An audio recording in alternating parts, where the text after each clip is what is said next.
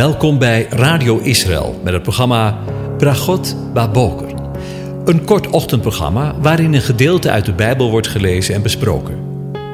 Met Bragot Baboker wensen onze luisteraars zegeningen in de ochtend. Presentator is Kees van de Vlist.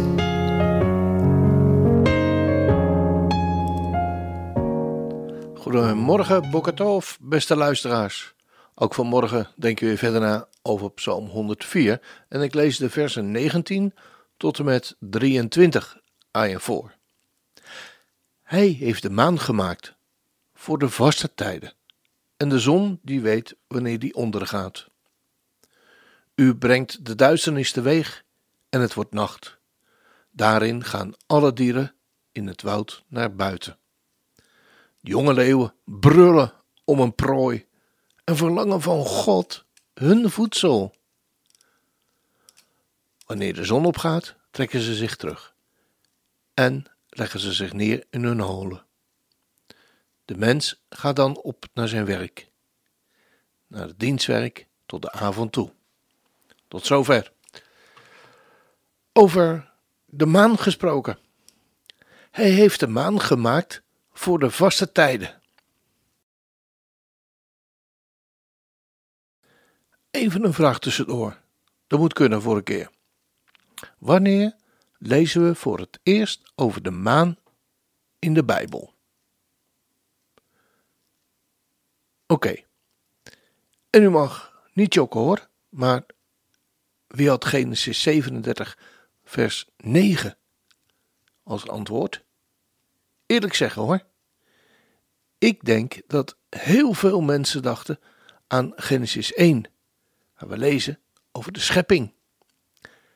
Maar pas bij Jozefs dromen in Genesis 37 lezen we pas voor het eerst over de maan. En de maan is er niet alleen om de nacht te verlichten, maar zo lezen we in de psalm die we bij de kop hebben, hij heeft de maan gemaakt voor de vaste tijden ook wel te vertalen met voor de vaste seizoenen. In de Bijbel is de maan het teken van Gods trouw. Hij zal voor eeuwig stand houden, zoals de maan. De getuige hoog aan de hemel is trouw, zegt Psalm 89, vers 38. Door de maan liet de aanwezige aan de Joden de gevaste tijden weten, de vaste en gezette tijden weten wanneer ze de feestdagen moesten houden. De maan is er iedere keer weer opnieuw.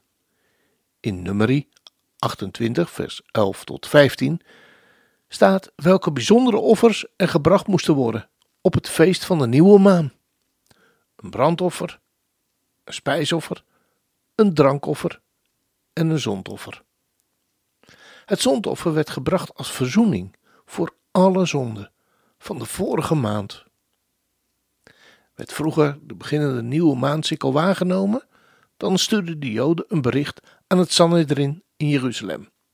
En als zij hadden vastgesteld dat de waarneming klopte, dan werd de nieuwe maand officieel aangekondigd.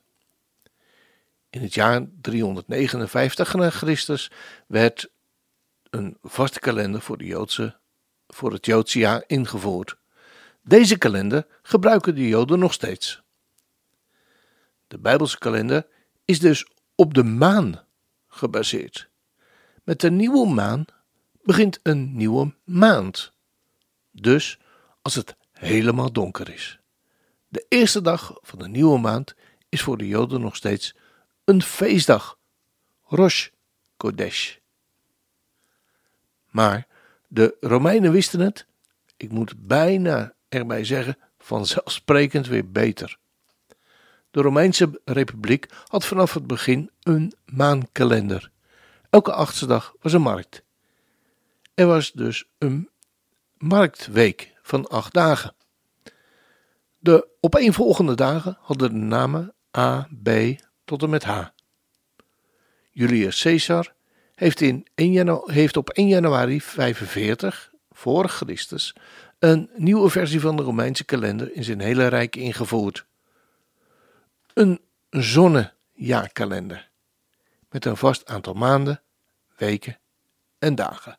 365 tussen haakjes. Elk jaar, elk vierde jaar had 366 dagen.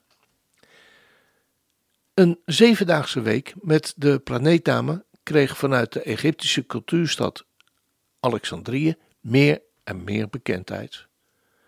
De planeetnamen zijn een synthese van de Babylonische en Griekse astronomie en de Egyptische astrologie. Door een besluit van keizer Constantijn in 321 na Christus kregen de zeven dagen van de Romeinse week officieel de namen van de planeten. De eerste dag van de week kreeg de naam Dies Solis, de dag van de zon. De zon werd vereerd. De bijzondere volgorde van de planetennamen Saturnus, Zon, Maan, Mars, Mercurius, Jupiter en Venus had een Egyptische oorsprong. Die was gebaseerd op de Griekse zinswijze van de zeven planeetsferen, op de Griekse planetenrij Saturnus, Jupiter, Mars, Zon, Venus, Mercurius en Maan. De zeven planeten werden door de Egyptenaren ervaren als notabene heersers over de uren van de dag. De Egyptenaren en de Roomse Constantijn dachten het dus beter te weten. Maar JHWH, de aanwezige, houdt zijn kalender aan.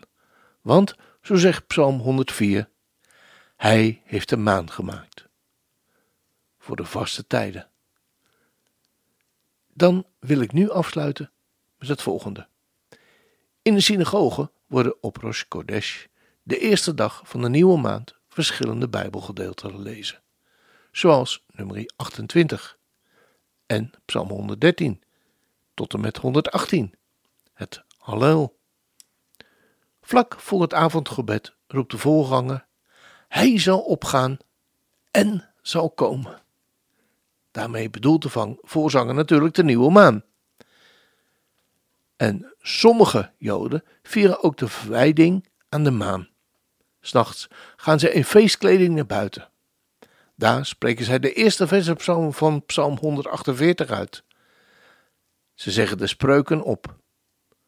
De profeet Jesaja spreekt in Jesaja 66 vers 23 ook over het feest van de nieuwe maan. En het zal geschieden dat van de ene nieuwe maan tot de andere en van de ene Shabbat tot de andere alle vlees zal komen om te aanbidden voor mijn aangezicht, zegt de Heere.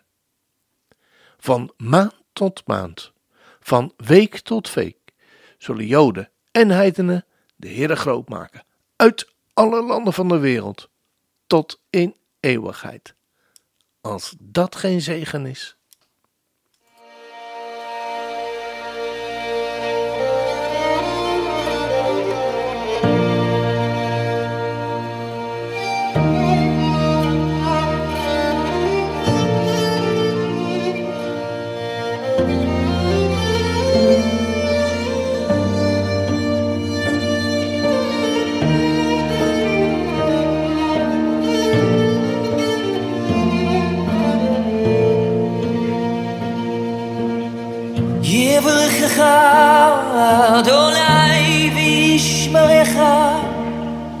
יאר אדוני פניו אליך ויחונך יישא אדוני פניו אליך וישם לך שלום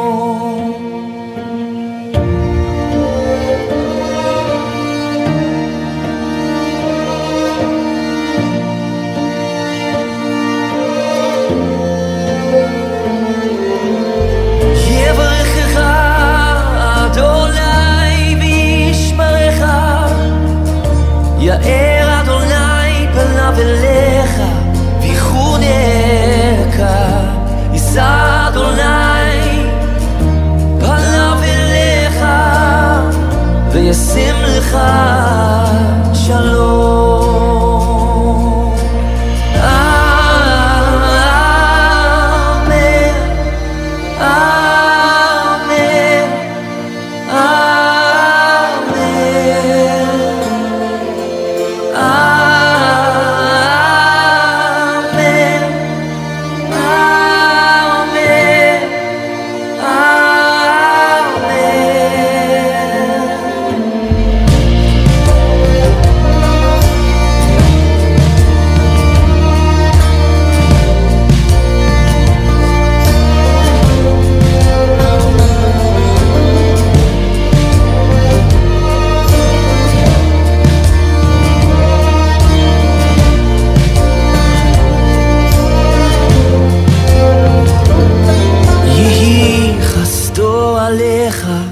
לאלפי דורות. משפחתך, וילדיך, דורותיך, אחריך.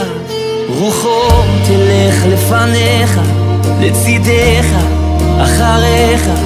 מסביבך, בליבך, הוא איתך, הוא איתך.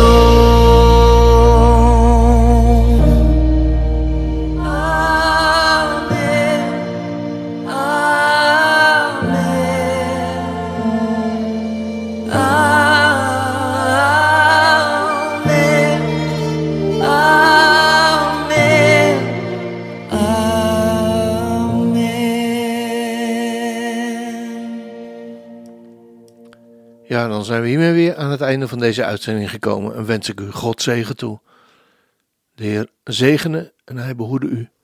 De Heer doet zijn aangezicht over u lichten en is u genadig. De Heer verheft zijn aangezicht over u en geeft u zijn vrede, zijn shalom. Amen.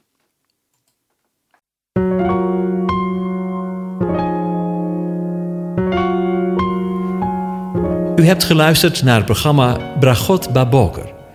Een kort ochtendprogramma waarin een gedeelte uit de Bijbel wordt gelezen en besproken. Wilt u het programma nog eens naluisteren, dan kan dat. Ga naar radioisrael.nl en klik onder het kopje radio op Uitzending gemist.